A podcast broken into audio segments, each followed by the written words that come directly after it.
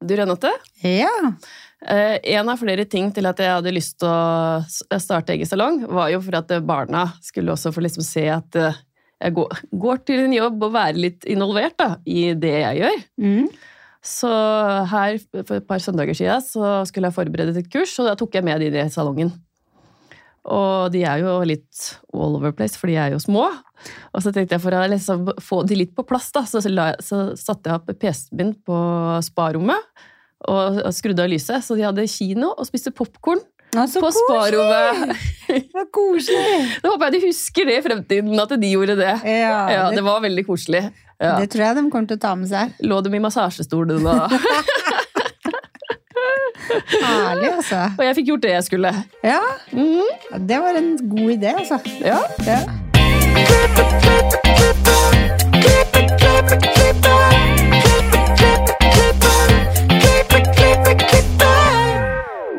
Velkommen til Hårpodden. Jeg heter Renate. Jeg heter Ann-Marit. Ja, Marit, hvordan har uka di vært? Du, Denne uka som var, har jeg vært på mitt første businessfrokostmøte i Askim. Gøy! Det er nytt for meg. Det har aldri jeg vært på før. Nei, Ja. Så det var, det var eh, Nei, det var jo foredrag om tall. Veldig mye tall. Og hva skjer i Askim, som var veldig gøy. Og det å komme ut i pausa og få snakke med andre som også driver selv, og liksom hvordan er dere dere har det, og hvordan er det dere gjør det, det var veldig både nyttig og veldig gøy. Folk er veldig flinke til å dele ja, det er bra. Ja, det er bra. Mhm. Så det kommer jeg til å reise på igjen. Ja, Mm. det høres kjempespennende ut. Ja, Ny verden. definitivt en ny verden, ja. Ja. Men hva med deg? Jo, Hvis jeg skal si min forrige uke, så hadde jeg min livs verste opplevelse på Gardermoen da jeg skulle ut og reise fire dager sammen med samboeren min Oi, til København, for jeg har jo en lillebror som bor der. Og så vet vi podder jo på tirsdager, og så har jeg fri da på tirsdager etterpå til å gå inn og så høre på filen og bestemme hvor det skal redigeres, men de fikk jeg jo ikke før onsdag ettermiddag, og da er det jo krasj, for da jobber jeg veldig seint. Og i tillegg så måtte jeg pakke ferdig, og så gikk jeg og hørte på og bestemte hvor det skulle klippes. Klokka blei halv ett-ett, så tenkte jeg ok, jeg sender inn den mailen i morgen når jeg sitter i bilen. Og det holdt jeg på med, du veit, den skal jo ut torsdag morgen, så jeg rekker jo å sende inn den før torsdag klokka åtte når du skal være på Gardermoen halv sju, selvfølgelig. Ingen problem. Og det var jo ikke noe problem heller, før vi kom i sikkerhetskontrollen. Jeg skulle jo sende inn dette her på gaten. Så blir da min samboer stoppa i sånn narkokontroll hvor de skraper av med sko og alt sånn. Og vi hadde da ni esker med ting som vi skulle ha med oss. da, Det var sekker og minikofferter og sant, padder og alt det lå liksom strødd der inne. Og han står med tre brekte ribbein og bruker jo selvfølgelig lang tid da, på å kle av og på. Og så sier han til meg kan du sørge for at jeg får alle tingene mine? Selvfølgelig skal jeg gjøre det. Så jeg pakker hans ting og tar godt vare på det, og har tar meg tid til å rydde alle boksene til alle andre som er der også, så når han endelig er ferdig, da går vi. Så går vi inn på taxfree, skal bare gjøre kort unna, og så skal jeg sette meg ned på gaten, sende inn bio og episodenavn, få det inn i studio før jeg går på fly. Står og betaler i taxfree, og så bare Hvor er kofferten?! Ja, da røyk planen min, for å si det sånn. Jeg holdt, ja, faktisk, det er verste følelsen heller. Og når jeg så på samboeren min sånn, sånn skeivt, og bare, han bare Nei, jeg, har- jeg har ikke mista nøkkel engang i mitt liv. Så jeg løp som en ku der inne, eller en kylling, overalt hvor jeg hadde vært. Og så ut mot utgangsdøra, hvor du går inn på utenlandsreise. Der er du ikke lov til å gå ut, og der sto det selvfølgelig en vakt og bare sa stopp, du går ikke her. Og jeg bare, men jeg har kofferten min på security, eller på sikkerhetskontrollen, jeg har glemt den igjen der. Og jeg skulle jo sende inn pod, dette var dødsviktig for meg. Og han bare nei, da må du ut av flyplassen, gå ned, gå ut, sjekke inn på nytt. Så jeg bare det rekker jeg ikke, flyet mitt går om 18 minutter. Ja. Og da svarte han noe så fint som eh, det er ikke mitt, pro mitt problem at du har beregna for dårlig tid. Og det hadde jeg faktisk ikke gjort. Jeg hadde bare hatt for mye å passe på. Jeg pleier jo ikke å passe på alle andres reisevesker heller. Så da går det gjennom huet mitt to valg. Jeg vil ikke skuffe broren min. Jeg kan ikke gå ut. Det var helt nei. Jeg vil ikke skuffe broren min. Jeg kan reise uten koffert, for jeg kan alltid handle nytt. Mm. Eh, eller jeg kan ta sjanse på å bli arrestert. Så, så fort han snudde ryggen, så stupte jeg ut i dørene, løp motsatt retning, inn i sikkerhetskontrollen på siste rad, jo, jo, og beina bort. Jeg tror ikke han skjønte hva som skjedde, før jeg var der borte. Og det som var Grunnen til at jeg ikke har fått med kofferten min, var at jeg hadde tatt den ut i en stikkontroll. Ja, fordi At, for, jo, fordi at jeg ikke hadde tatt ut de plastposene med sjampoene inni kofferten min. Men da må jeg si som en hilsen til Gardermoen. Det hadde samboeren min heller ikke gjort. Da ble ikke stoppa. Og så brukte jeg kjempelang tid der mens hun drev og målte og holdt på. Mens jeg sto der, så ringer samboeren min og sier 'gate is closed'. Så da bare raska jeg med meg kofferten i fare for å bli arrestert der òg, og løp forbi denne forbanna security-vakta. Så han det? Ja, ja. Ja. Inn og bare ropte på samboeren min 'mot gate', og han mot gate. Og han skal jo ikke løpe, han er jo sjukmeldt. Han kan jo nesten ikke puste. Så da ringte de meg og så spurte hvor vi blei av. Og så sa vi er på vei nå. Kom på gaten. Jeg var altså så svett, og jeg var i sjokk. Altså, jeg var i skikkelig sjokk. Satte meg ned på plassen, kledde ikke av meg, fram med PC-en. Send! Og så lukket jeg ned, og så kjente jeg at jeg fikk sånn hjerteklapp, og jeg var varm og Nei, det var helt kaos, men jeg gjorde jobben min. Ja, det, ja, det Og jeg glemmer det. aldri det der igjen. Det er det verste jeg har vært med på. Så hvis folk lurer på hvordan vi post, eh, legger ut disse podkasten, Ja. her er svaret. Ja, ja, ja. Og er det mye jobb? Ja, ja, er det gøy? Absolutt. Så det, jeg, det første jeg gjorde til København, det var faktisk å gå og ta meg en dusj og skifte klær. Ja, jeg takker og bukker for innsatsen for å få ut denne episoden. Jeg var så glad jeg ikke ble arrestert. Ja, gud. Det, altså, Kittil han bare Ja, du er en helt, Renate. så ryggen min fly gjennom og tenkte nå kommer vi oss ingen veier. Å, det var en fantastisk historie. Ja. Så det opptok hele ferien min. det. Ja, det vil jeg tro. Du får til hvis du vil. Ja, det er nemlig det. Man må Mm. bare gi full, full innsats. Mm. Men enda spennende, da. Og dette er jo morsomt, for her har vi virkelig gleda oss. For vi har jo med oss en gjest i dag. Og dagens gjest jobber for Loreal med utdanning og coaching. Han har stått på scene både i inn- og utland, og han er godt kjent i vår bransje. I dag skal vi bli enda bedre kjent med denne fantastiske mannen. Velkommen til oss, Steffen Martinsen. Mm, tusen takk. Det er så koselig å se I deg. like måte. Ja. Det var så godt å endelig få komme hit. Ja. Eller jeg har vært her før, da. Ja. ja. Men ikke Men live. ikke live. Nei. Nei. Veldig hyggelig å se deg live. Ja, veldig. Jeg synes det er så kult, for at eh, bransjen vår er så fantastisk. Og det at vi kan gå inn i tida, sånn som med Hårpodden, for eksempel, synes jeg er så dødsbra. Ja. Eh, å få inn så mange spennende folk som dere har hatt med her tidligere, det syns jeg er bra. Ja, Veldig, tusen veldig takk. Det var hyggelig. Og at jeg får lov til å være her, det er enda kulere. Ja, Det er så koselig å ha deg. Kan ikke du fortelle litt om hvordan din karriere begynte? Mm, ok, har vi god tid? Ja, ja, det har vi. altså, jeg ble jo født inn i en frisørfamilie, egentlig, fordi min farmor hun drev salong i Oslo det var vel kanskje på 50-60-tallet, som min far tok over, og han traff min mor som også var frisør. Så det er veldig sånn ammoniakk som flyter i blodet. Det er ikke så mye blod igjen der. Altså det er stort sett tyoglykolsyre, ammoniakk og de vanlige kjemikaliene. Så, så når jeg har sommerferie, så må jeg alltid innom en eller annen salong på veien, bare for å få kjent lukten av hårspray og sånt. Og sånn. Ja. Jeg kjenner den følelsen der. Nei, så jeg, jeg begynte i lære, eller jeg begynte vel sånn, sånn ryddehjelp hos faren min da jeg var 14-15 ca. Og så begynte jeg på videregående på Stovner videregående skole. Og læretida hos faren min. Og det var jo da i 85-86 rundt der. Og tok svennebrev dame- og herrefag i 91. Eh, og etter det så tok det jo ganske bra av, fordi at eh, faren min han var veldig aktiv bestandig innenfor eh, comme og intercoiffør, og kjente jo absolutt alt som krøp og gikk av frisører i Norge. Så jeg fikk jo veldig sånn lett inngang, da, som mange av de store stjernene på norske frisørscener har vært mine barnevakter omtrent, liksom, så jeg har liksom alltid vært med dem. Så det er veldig fint. Um, og så syns jo faget vårt altså det er, det er verdens beste fag. Det er ikke noe annet å si. Det er så kult, det er så mye fine folk, det er så mye bra kunder og kolleger. Eh, og det er liksom ingen ende på hvor vi kan jobbe hvor vi kan, hvor vi kan utvikle oss videre. Så jeg tror For meg så starta kanskje karrieren tidlig på 90-tallet sånn ordentlig. Jeg hadde min første sceneopptreden for Loreal i 1989. Da var jeg 18 år og feide hår for en eller annen stor fransk frisør som hadde gjort det. Så det var min første sceneopptreden. Feie bort hår, det var veldig kult. Så, og etter det så frilansa jeg egentlig for Loreal på like måter. Um, og jobba meg egentlig Jobba i salong, eh, reiste mye rundt. Eh, hadde visning, hadde kurs, men jobba veldig fast som frilanser for Loreal hele veien. Um, jeg vet ikke hva jeg skal si. ja. Det er liksom det er så mange detaljer som har skjedd på den veien der. Eh, Men jeg har liksom fått lov til å vokse i faget.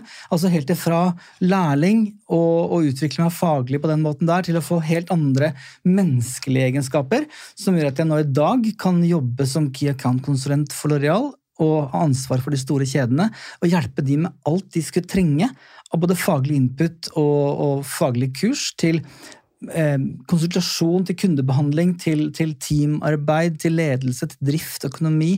Altså, fordi jeg har vokst opp i, i faget og fått mye erfaringer og kan få lov til å bruke min erfaring.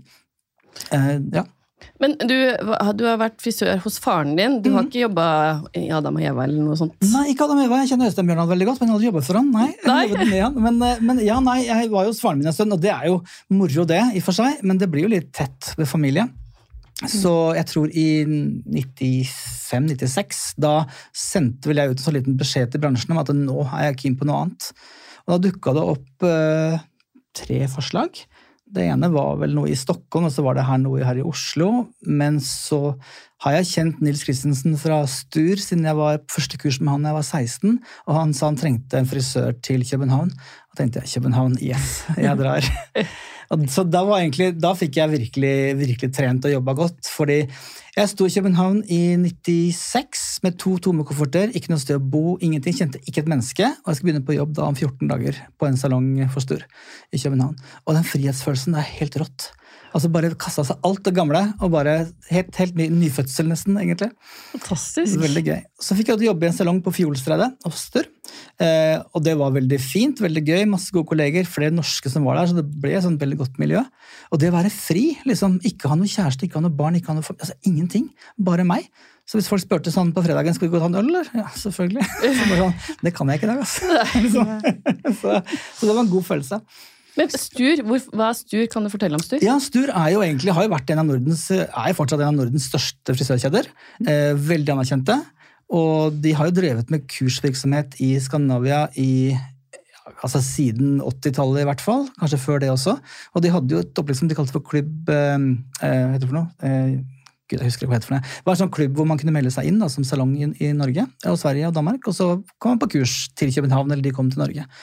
Så jeg møtte jo den gruppa første gang da i, eh, på 80-tallet, på et kurs i salongen, hvor de hadde, et, eh, hadde workshop med oss. da.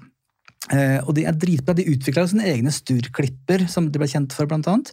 Og i Danmark så var de jo virkelig det største. Mm. Så det har vært mine helter, altså. Veldig. Og særlig Nils, som var art director for Stur. Han, han er, utrolig- var utrolig god, altså. Veldig Jeg var og smugfilma hos de nå når jeg var i København. Ja, du gjorde Ja, det? det så jeg. Ja, Det så jeg. det gjorde jeg. Jeg begynte bak et skilt, og så smyger jeg meg inn. Da hadde jeg stått og sett deg lenge. De er store. er store. Mm. Men, men Stur var nok litt sånn som Adam Eva også var i Norge. At man reiste til Sassoon og henta inspirasjon som man ikke hadde sett før i Norge, og, og ble kursa på en måte i det. Eh, men Stur utvikla som sine egne klipper og sine egne frisyrer, blant annet, som, som også ble veldig anerkjente. Og drevet butikk veldig godt. Veldig godt forretning hele veien. Mm. Så for meg så var det stort å kunne komme dit. Og i og med at jeg hadde bakgrunn fra scene, så ble jeg selvfølgelig fortsatt på kursscenen til Stur også, så jeg holdt jo mye kurs. Mm. Og det var veldig gøy når vi hadde norske frisører på kurs også, for da de skjønte, snakket, jeg snakka et språk de forsto. Så Altså, det er helt vilt. Det Det er jo en dream come true, altså. det var det. Ja. Men på den annen side var det danske kursdeltakere, og jeg snakka om hårfeste. Så spurte de hvilken fest er det snakker om. Hvorfor var ikke jeg invitert på den festen? Å ja, hårgrensen, unnskyld. Det er liksom litt andre ord og sånt, men det er veldig lærerikt. Og plutselig, og Danmark, eller i hvert fall København, var jo den gangen internasjonalt i forhold til Oslo. Altså virkelig en helt annen verden å komme inn i. Og de hadde inspirasjoner fra andre steder enn vi hadde her i Norge, så det var så veldig mye god innflytelse som kom. Ja. Så, så det var kult. Hvor lenge var du der? Ja, ikke sant? Hverdagen kommer jo uansett hvor du er hen. For meg tok det tre år. Da var jeg drittlei. Ja. så, og da, mm, holdt, da var rekrutteringa i Norge på frisørsida enormt dårlig, så forbundet tok tak og starta en frisørskole, grunnkurs. Eh, og jeg ble leid inn som frilanser for å være med og bygge opp den skolen. Eh, Frisørinstituttet het den. Eh, så jeg var med der i eh, det første året, i hvert fall. Og hadde vel, eller to år var jeg der. Når var dette? Fire klasser. I eh, 99-2000, cirka. Ja. Ja. Eh, Så var jeg der et par år, og så og jobba i salongen til faren min på på siden av det.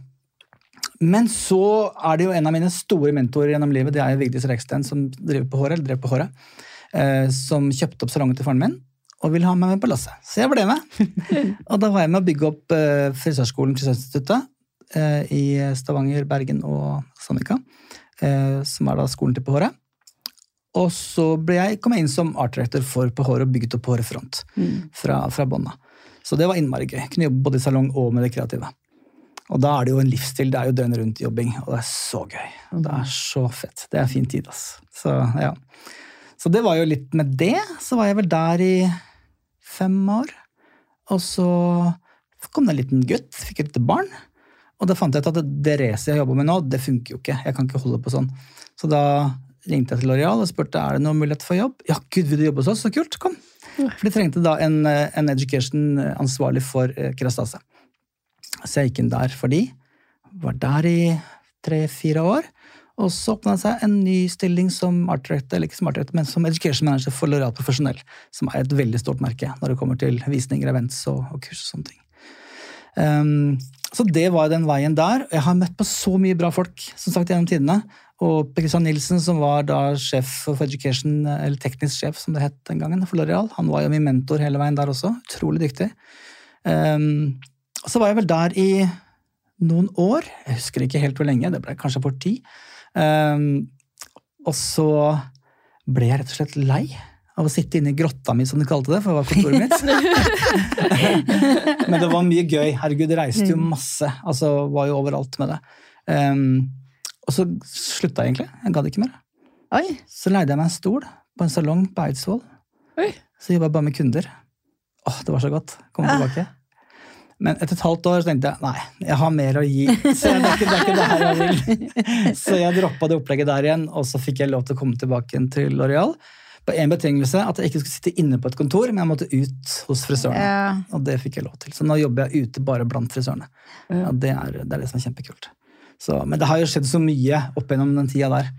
hele veien. Men jeg tror kanskje midten av 90-tallet var kanskje den store perioden da, med Stur og jeg reiste, jeg var i USA, jeg var i Kina, jobba altså bare liksom, ja. For en reise! Overalt. Ja, wow. Ja, når jeg tenker tilbake på det, så har det vært innmari mye gøy, altså. Mm. Det er, ja.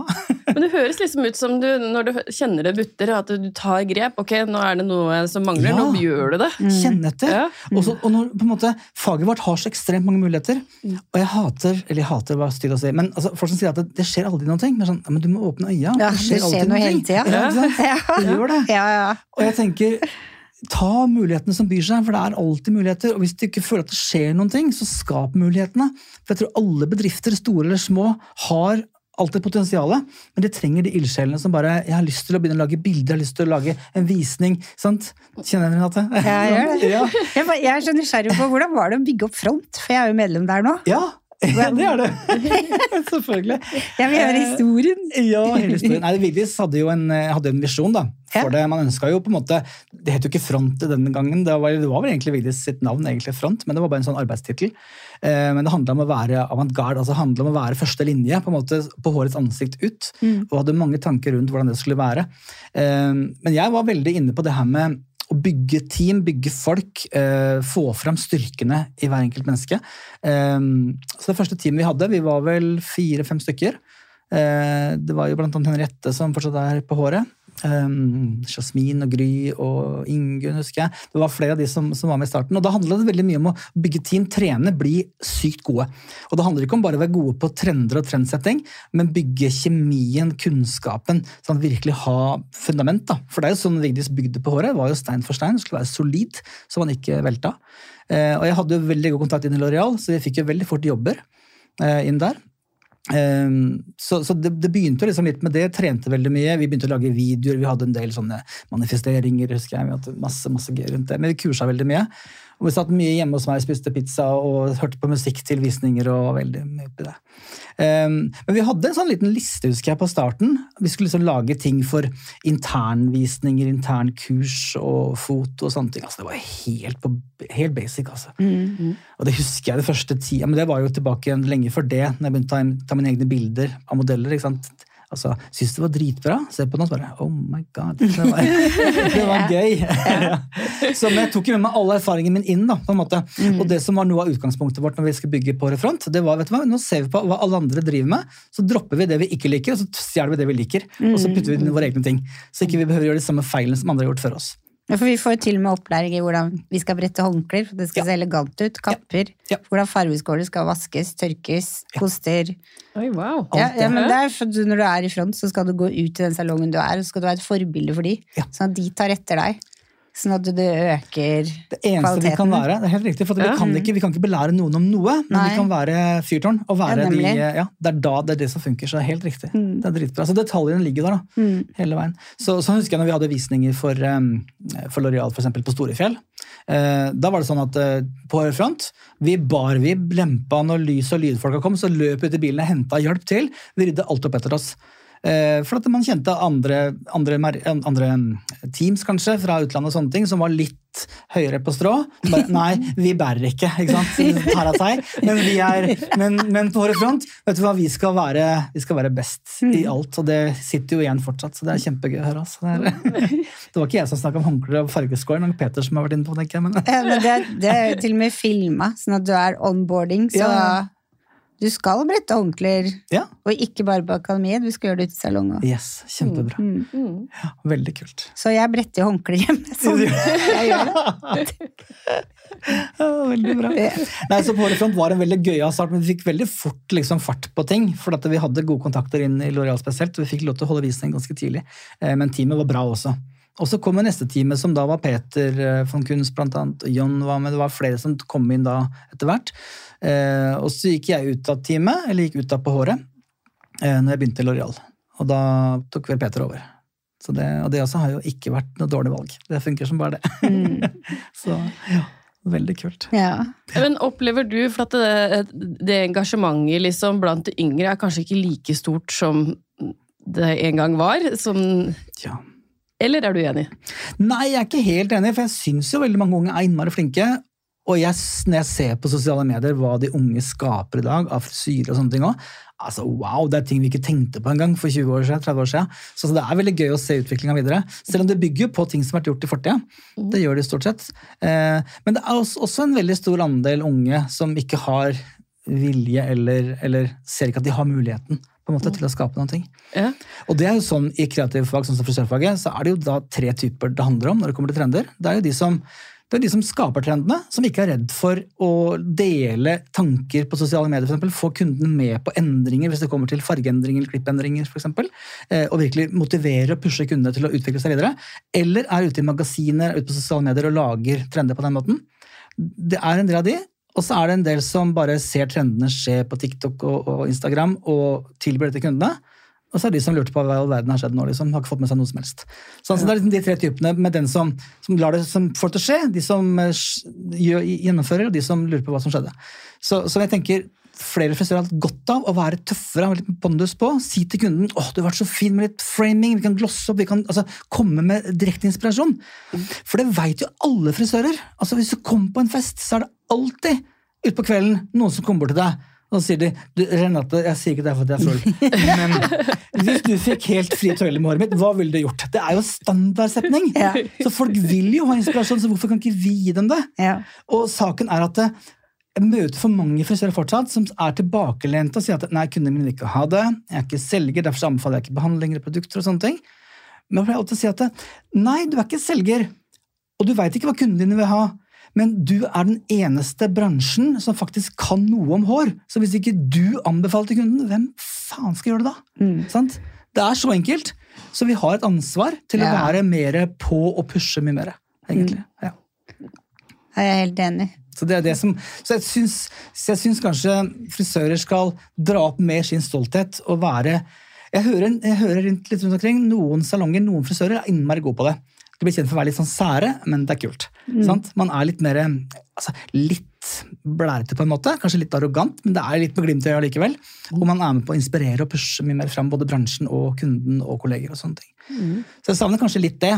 At det med selvtilliten må komme litt mer opp. Har du noen forslag til hvordan vi skal få opp selvtilliten?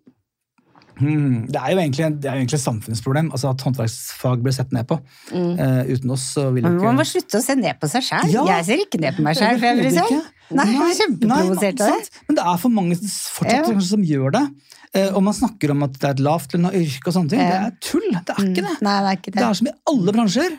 Gode folk tjener godt, dårlige folk tjener dårlig. Det er så enkelt. Du Mm. kan bli det du vil, du kan utvikle deg hele tiden videre. Mm. Så, så, så, men det er som sier mye det mantraet at du skaper at vi er nede og vi har lavtlønn. Nei, det, vi er ikke det. Mm. Og det er så enkelt, altså Huet vårt er skrudd sammen sånn at om du sier at du får det til, eller du sier at du ikke får det til, så har du helt rett. Altså Du bestemmer deg sjøl for hvordan du skal se på deg sjøl, se på verden, se på, på livet ditt. Du begynner der. Du begynner der. Ja. Mm. Så, så det er kanskje min største jobb nå. Det er jo egentlig å motivere spesielt de yngre til, til å stå opp og kjenne på all den kompetansen, all den kunnskapen de har. Uh, Istedenfor å være redd for å anbefale ting, så bare stå på. liksom, Bruk alt det man har med seg. Mm. Så, for det ligger jo i altså, det er ubegrensa hva mennesker er i stand til. altså. Så det handler mye om den selv, selvtilliten, egentlig. Mm, veldig bra sagt. Mm. Jeg må jeg snakke litt om rekruttering, for du sa i stad at det var lav rekruttering i 92. 99. Ja. 99, Ja. og nå er vi jo liksom Samme runden igjen. ja. samme runden igjen. Mm, mm. Er det sånn som kommer og går Det virker sånn. Det er ja, litt hele bølger. tida? Ja, det Så, er litt så vi vil høyt sannsynlig komme opp igjen. For det er jo veldig et hett tema på Hårpodden nesten Ja. hver gang. Ja, ja, Ja. det er jo det. Altså, det er jo selvfølgelig skoleendringer og sånt noen systemer. For at det, 90, eller 97-98 så var det Ademeva-skolen og så var det PowerPoint-skolen, som var de to privatskolene. Eh, og så var det offentlig utdanning. Eh, og så starta forbundet en tredje skole for å få enda flere elever inn. Men så følte man at man tok jo elever fra private skoler, og det er ikke riktig det heller, så forbundet skal jo være en støtte og en hjelp, og ikke en konkurrent, på en måte. Så det ble lagt ned etter hvert. Så virka det som om det fikk et oppsving på private skoler, og så åpna det jo flere privatskoler. Frisørinstituttet blant annet, og Norsk frisørskole og, og sånne ting, som fikk flere folk inn. Um, men så tror jeg kanskje at offentlig utdanning eh, Jeg vet ikke. det er det er veldig bra, men det er skolereformer hele tiden som endrer på ting. Så er det ikke alltid at faget vårt blir favorittisert, da, dratt fram ordentlig, kanskje. Så, for man, du, man ser ikke helt framtida som frisør. Eh, eller noen ikke ser det, på en måte. Men det er jo det er virkelig framtid i håndverk og frisør. Det er jo helt, helt klart Mm. at det er det. Så nei, jeg vet ikke om det bare er bølgen, det er generasjoner, hvilke endringer som gjør det. Jeg vet ikke. Det er, eh, vi har jo hatt en sånn veldig stor gjeng med, med generasjon Z nå som har vært veldig do it yourself, og jeg kan best sjøl. De kommer til frisøren og forteller eksakt hvordan de skal ha det, og vet bedre enn frisøren. og sånne ting. Det er klart, Da føler man seg jo ikke så veldig høy i hatten da, når kundene vet mer enn deg. Og sånn opplever en del frisører det. Mm. At kundene kommer med TikTok-videoer eller de kommer med, med Instagram-bilder og forteller frisøren hva de skal gjøre. Det er da vi må steppe opp og, og, og komme med vår kompetanse. Så det også er noe jeg virkelig preacher ute hos frisørene. det at Hvis det kommer en kunde med et eller annet ord de ikke har hørt om, så bare google det. Du kan det garantert.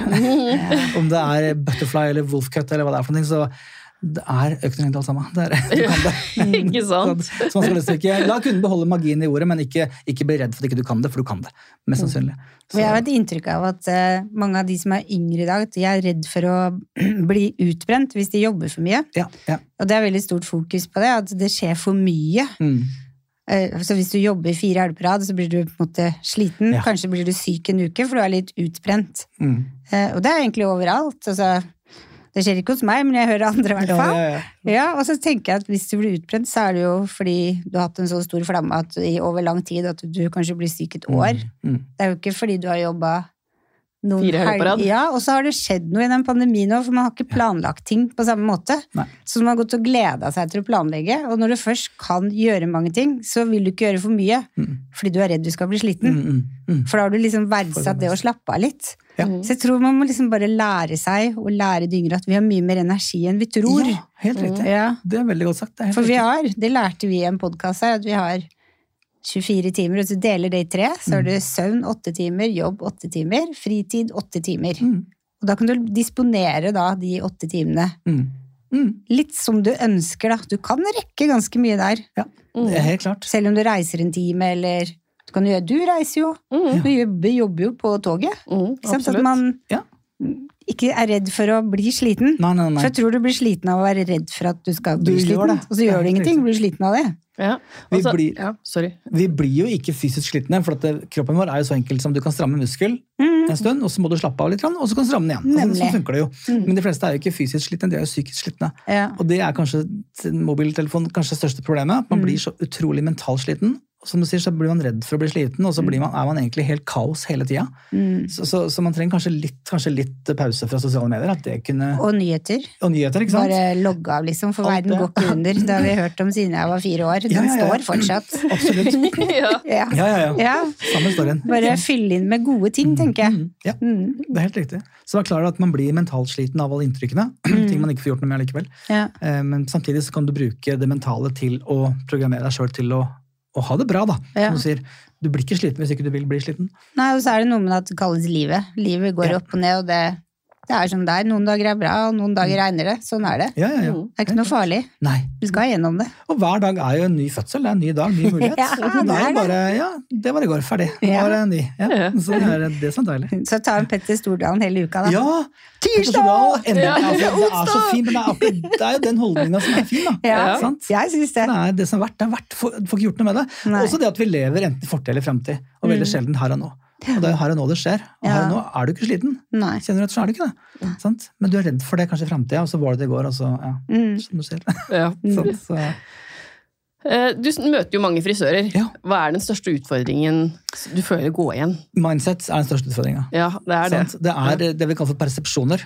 Eh, altså at Man bestemmer seg for at sånn er det. som du sier, Nå er jeg sliten, jeg blir sliten hvis jeg gjør sånn. Hvis jeg jobber for mange dager, for mange timer i uka, så blir jeg sliten. Altså Det er der mindsetet vårt egentlig er problemet. For at vi kan omstille oss hele tiden. Eh, og jeg har et mantra for det her året som har blitt litt mitt store mantra som jeg preacher ute blant alle frisørene. Og det er at det mirakler det skjer når vi endrer persepsjonen vår. Og hvis jeg tror at den kunden har ikke råd til kur, så har jeg bestemt meg persepsjon. Mm. Men hvis jeg spør kunden skal vi ta en god kur i dag med en god hodebunnsmassasje, og kunden sier ja, bare wow! Sant? Fordi jeg turte å spørre istedenfor å forhåndsdømme situasjonen. Alle detaljene rundt i faget vårt, eller i, i hverdagen vår, så kan vi gjøre det samme med. Så det handler om å endre de der tvangstankene for at sånn er det. Eller som du sier, hvis jeg jobber fire dager denne uka her, så er jeg utbrent. Da er jeg ligger rett ut hele helga. Det er et tankesett, bare. Det er ikke sant. Mm. sant? Så det å bryte de der, eh, etablerte sannhetene, det tror jeg mye faget vårt kan hente, eller frisørene kan hente mye ut av. Mm. Det tror jeg. Har du noen tips til hvordan du bryter ut? Eh, ja, det er jo egentlig bare å se på mønstrene sine. Hva er det jeg gjør? Altså, hva er det jeg tenker på? Må det være sånn? Må jeg tenke sånn? Eller finnes det alternativer? Og kanskje bruke hverandre også til å, til å dele litt tanker og, og sånne ting. Eh, for vi har en sånn, vi har en sånn liten sånn bransjeforbannelse også, med at det, sånn er det bare. Kundene sier det, med- bransjen er sånn, lavt lønn, altså alt dette er tull her. Det er også bare sånne etablerte sannheter, egentlig. Så, så trikset er jo egentlig å, å stille spørsmål ved sine egne tanker. Altså, Må det være sånn? Er det noe jeg har bestemt meg for? Er det faktisk sånn, eller er det noe jeg bare har skapt meg? Mhm. Det er jo som du sa i stad, eh, Renate. Hvis jeg sier til meg sjøl at eh, hvis jeg jobber mer enn fire dager denne uka, her, så er jeg utbrent. Er sånn, ok, Du forteller huet ditt. altså, Det er så enkelt. Eh, større tanke, da. Hvis jeg sier til universet at uh, dette her kommer aldri til å gå, kommer til å bli utbrent hvis jeg jobber sånn her, da svarer universet yes, let's do that. Så, universet da. Og så blir det sånn. Ja. sant? Men sier det andre vet du hva, jeg kan jobbe, jeg har det så gøy på jobben, det er så moro, jeg kan finne frem alt det positive i det. Så sier universet yes, det gjør vi. Sånn, så du bestemmer hele tiden hvordan hverdagen din skal være. For jeg må, jeg må si til meg sjøl, for nå siden november, så er liksom, for det er jo vinter, så jeg har tenkt du har fri annenhver lørdag. Ja. Så jeg tenkte jeg jobber alle lørdager. Mm. Men så har jeg merka noen ganger at jeg bare å, nå er jeg litt sliten av å jobbe alle lørdager. Men jeg er jo egentlig ikke det. Nei. Nei, jeg er jo ikke det. For jeg går på jobb, og så går jeg hjem etterpå, så er jeg egentlig fornøyd. Ja, ja. Fordi at jeg har hatt det gøy på jobb. Og jeg liker jo kollegaene mine, jeg liker kundene mine. Klart. Men det er når jeg kommer hjem og jeg kjenner etter. Mm. Og jeg er litt sliten av å jobbe alle lørdager. Men det er ikke det. Og det går helt fint på vinteren. Ja. På sommeren så er det hyggelig kanskje å være ute annenhver lørdag og dra på hytta. Og Ja. Så kan det være gulroten. Mm. ja. Så jeg jobber med hodet mitt Det på det sånn sjøl. det Ja. Det er sånn det er. Så vi har den makta egentlig over oss sjøl vi er vår egen største fiende. Det er det som er hele problemet. Mm. Eh, og jeg tenker Bransjen vår kommer liksom ikke videre så lenge vi sperrer for kunden. At vi lar kunden bestemme hvordan frisyre vi skal ha, istedenfor at vi kommer med vår kompetanse og anbefaler og, og inspirerer. For det er det vi er gode på. Mm. Eh, og det er jo ting som eh, hva skal jeg si for noe, sånn som Teknologi kan være litt skummelt for mange frisører som jobber mye med mennesker og veldig det der nære rundt, rundt i det. Eh, og kundene liker ja, Eksempelvis, da. Det kommer en iPad med aviser eller ukeblader på. Nei, jeg liker å ha et blad å lese i. sant? Ja, ok, Noen gjør det, men det er en generasjon som kommer fra den tida. Men de unge som kommer, er mye mer oppi det. Sitter på telefonen hele tida likevel. Så vi må ikke sperre eller begrense kundens mulighet da, til å utvikle seg videre heller. Nei. Men det tror jeg vi er litt for å gjøre. Mm. At vi lager noen sånne fasiter på ting. Eh, og så er det litt med generasjonen som vi har nå, som er de i, midt i 20-åra nå liksom også. De ser ikke forskjell på en depresjon og det å være litt lei seg. Nei, det er. Det er to litt forskjellige ting. Sant? Men det mange er å tenker- tilbake til det med liv igjen. Ikke sant? Du har et dødsfall i familien, så blir du trist. Ja, ja, Men så tenker de jeg er deprimert. Ja. Men så er det egentlig livet som byr på gode og dårlige følelser. det er det. Det er og Og du skal ikke ta piller for sånne ting, altså. Det er Nei. helt Nei, altså. Det Og vi er jo heldige som får delta på det med kundene Ja. våre, egentlig. Og kanskje kan gjøre det litt bedre. Ja. Mhm. Det, jeg fikk en sjokolade av en kollega en gang som hun putta i veska mi jeg var litt lei meg. Så skrev hun eh, det fikser ikke hele livet, men det kan gjøre det litt lettere i dag. Ja. Det glemmer jeg aldri. Og da ble jeg så glad. Ah, så. Og vi kan gjøre det med kunder. Ja, vi kan det. Gi det en god massasje, en kur, Ja, og si ja, ja. 'this on me'. Ja, Mm. helt klart. Mm. Mm, sånt. En helt annen ting når jeg, starta salongen, salongen min nå, og jeg, en av grunnene til at jeg ikke har gjort det før nå, det er fordi at jeg så for meg at enten så står du i salong og driver den, og så kan du ikke gjøre noen ting annet. Nei. Og så tenkte jeg, Hvorfor har jeg liksom lagd det i hodet mitt, at jeg ikke kan drive podkasten fordi jeg driver en salong? Mm, Det mm. går jo det, selvfølgelig. Mm, absolutt. Jeg skjønner at jeg ikke har 24 timer i døgnet, men jeg må bare fordele det riktig. Yep, Ja. Ja, det er det. Så, det, så når jeg liksom kom på det til slutt, da, etter 40 år så, var det sånn, ja, så var det en lettelse. Så det er ikke, jeg føler meg ikke låst til salongen min. Nei, men Men det er er der mye, klare det er tanker da, som gjør at du ser det bare. Ja. Og ser jeg at det er jo ikke noe big deal. Nei, Men du sant? kan også som du sier, bestemme deg for at nei, skal jeg jobber hver lørdag, så blir jeg sliten. Men sånn, ja, Hvis du sier det blir det, så blir det det. Ja, sant. Det det, Det gjør jo så- det. ja.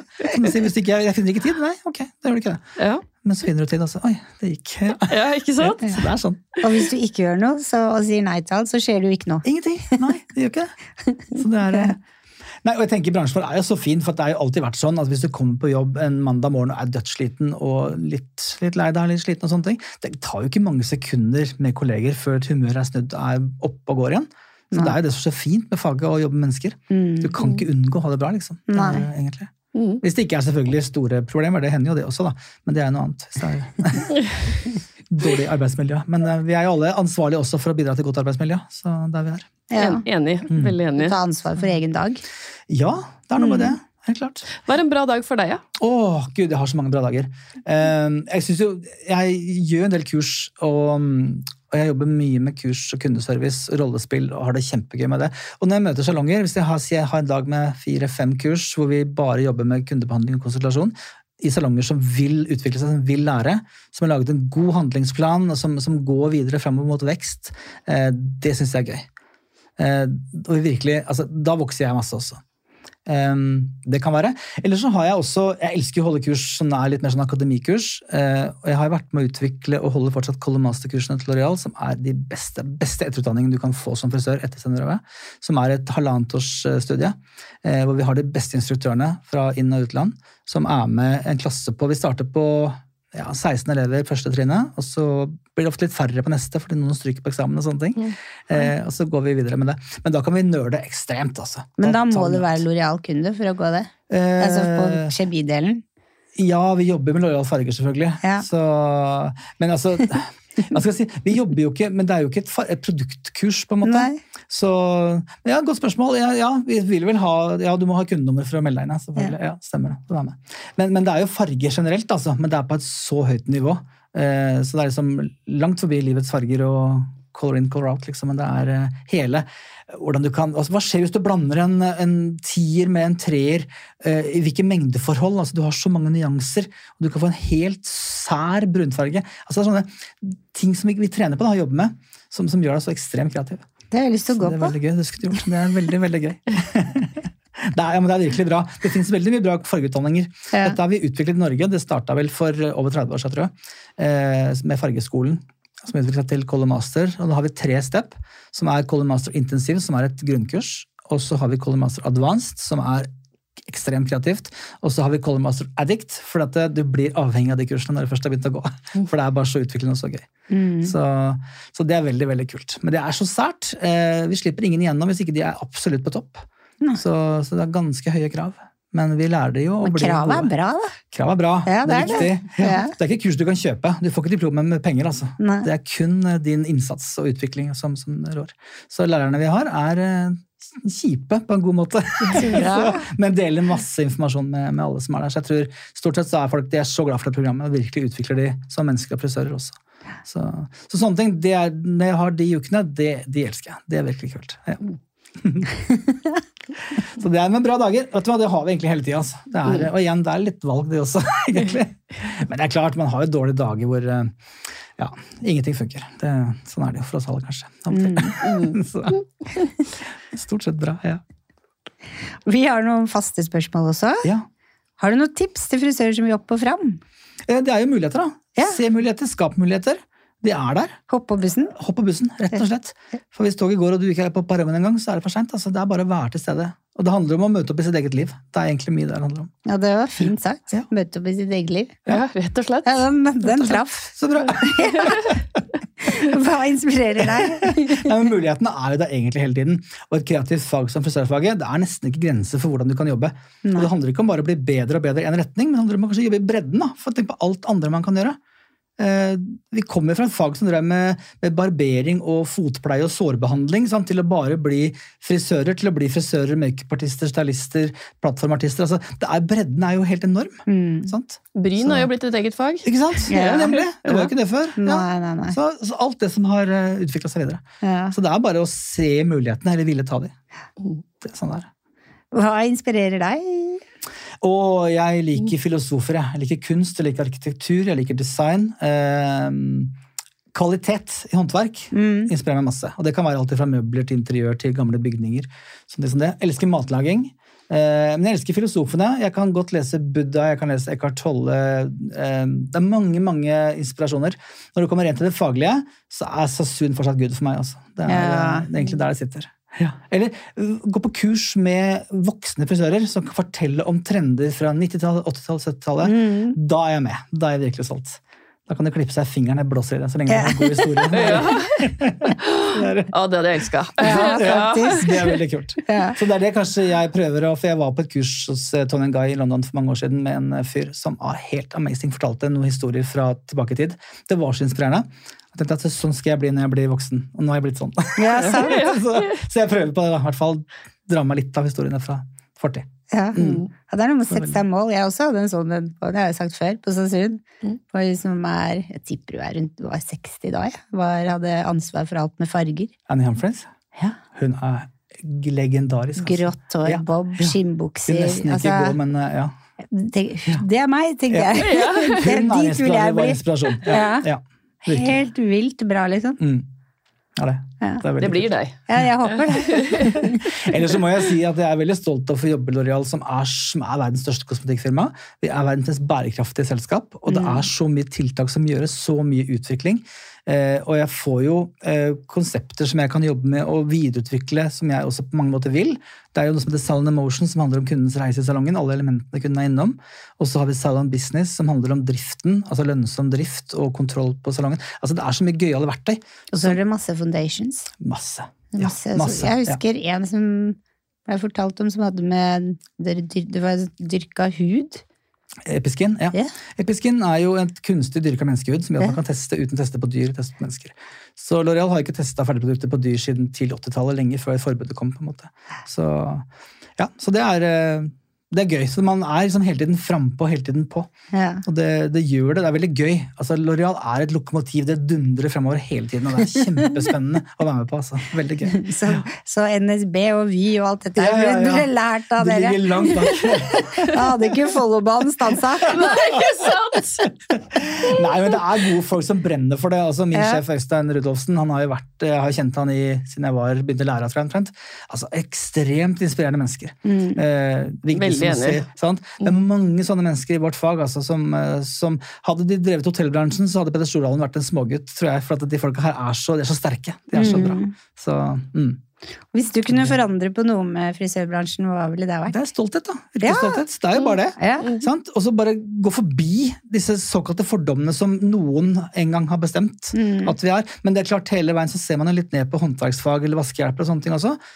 Det, det, det er der vi må på en måte snu. Det gjør ikke jeg. Jeg Nei, snakker jeg alltid med vaskehjelpa der, jeg. Ja, sant? Men vet du, hva, tips kan jo være at du skriver i en notatbok før du legger deg. Jeg er stolt av å være frisør. Yep. Jeg er stolt av meg. Så da Kjempegod våkner du opp til det, Ja, faktisk. ja. Det er akkurat det, altså. Dagens tips. Det er lov å være, det er lov å være litt, litt cocky også. Ja, Se seg jeg speilet som sier, og bare, vet du hva, jeg er faktisk ganske god, ass. Ja. Ja, det, er, det er det. For det handler egentlig om igjen innstilling, tenker jeg. Mm. Sant? Det er stolthet som kan få snudd på ting. Og når du har den stoltheten og litt den cockinessen, så er du mye flinkere til å inspirere kundene, og du får mer kunder. Ja, ja. Du blir morsommere med kundene også. Og det er jo sånn hvis du spør alle kunder ja, hvordan vil du ha det da? Og kunden sier nei, vi har litt korte, vi har layers, ja kult, og så gjør du det. Det er greit nok det, men det er jo ikke noe spennende. Sant? Det er noe med å pushe litt mer. Skal vi finne på noe annet? Skal vi gjøre nytt? Det er noe som ikke funker for deg. Og så hele tiden prøve å inspirere kunden til å, å komme seg videre. Men ting. Det er det er gøy å jobbe Mm. som frisør. Ja, For vi får altfor sjelden briljert med kompetansen vår hvis vi alltid gjør som kunden sier. Mm. Men vi sitter på så mye. Mm. Mm. Og så får vi brukt noe så den ikke går i glemmeboka. Ja, det er det også. Og du lærer jo av deg selv gjennom å gjøre ting. Ta opp kanskje gamle teknikker, gamle ting. Altså, folk ler jo av meg og til når jeg kommer med det gamle begrepet fra 80-tallet liksom, på teknikk. liksom. Sånn, er ikke det veldig 80 altså? Jo, ordet er det, men teknikken er faktisk ganske kul. Sånn, så ja. Det er noe med det. Ja. Mm. Hvor, hvor finner lytterne deg på sosiale medier? Det er på Instagram, da. Ja. På Steffen underscore pro. Mm. Det er min profesjonelle konto. Ja. Ellers så er jeg på Facebook, og jeg har noen andre kontoer òg, men de handler mye om eh, veganisme, dyrevern, andre dypere tanker, eh, som ikke, kanskje ikke er retta mot fag. Men eh, jeg har ganske mye interesser, altså. så, Har du lett for å engasjere deg? veldig. Ja, Ja, ja, Du sa dyrevern, og jeg er så genuint opptatt av dyr. Ja, så bra. Så bra. Ja. Nei, jeg har tatt imot hjemløse dyr i over 20 år. Oi! Så det er det jeg gjør, gjør Åh, fortsatt. Da. Da Mm. hadde blitt, det skal jeg fortelle datteren min, da blir du forbildet hennes. Så bra. Ja, hun, hun driver med det, Hun skal ha, adoptere hunder. Få et stort hus og en stor hage, så går det fint. det. Jeg har fem svære bikkjer med Det er nå. Åh. Oi! Mm, fint. Ja. Og en katt, og, Og en en and, og en gås. Det er så gøy! det det jeg har nå, da. På det meste så hadde jeg vel 18 dyr hjemme. Alt fra ekorn og papegøye og due og katter og kaniner og ja. Har du tid til alt dette her? Nei, nei, jeg bor sammen med noen, heldigvis. Så jeg klarer ikke det aleine, nei. Men det er engasjement, og det er noe med å se muligheter. Det er klart så at, fint. Ja, når, og jeg har ikke vært ute og henta dyr. altså De har på en måte kommet på en eller annen annen måte. kommer til deg. Så ja, eller noen ringer. Du, jeg skal avlive en hund. Ja. Nei, det skal du ikke. Så, Nei, kom- kom meg, ja. ja. Så Så, koselig. det er veldig koselig. Men det er, det er en kjempe, altså det er jo, man kan ikke redde alle uansett. Men, men det er noe med engasjementet. ja du kan redde gjøre. noen. Ja, og Mm. gjøre så godt man kan til enhver tid. Det er jo viktig. Mm. Man kan ikke forvente noe mer.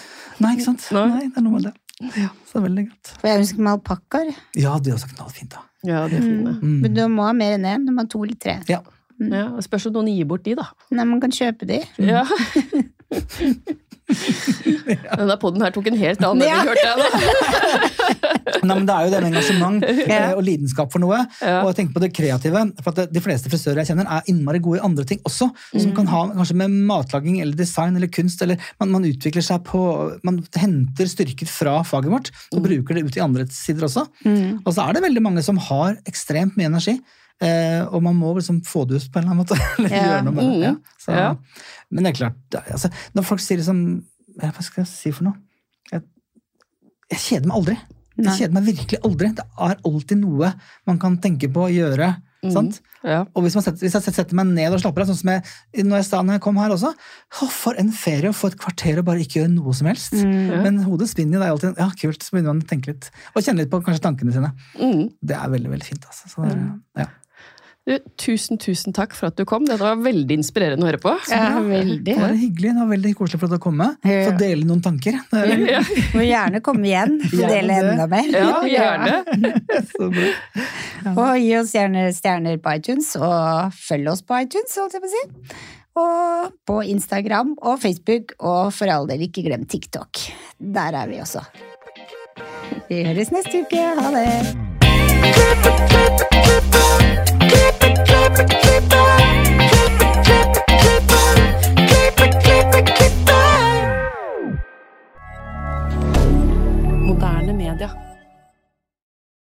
Har du et enkeltpersonforetak eller en liten bedrift? Da er du sikkert lei av å høre meg snakke om hvor enkelt er med kvitteringer og bilag i fiken, så vi eh, gir oss her, vi. Fordi vi liker enkelt. Fiken superenkelt regnskap.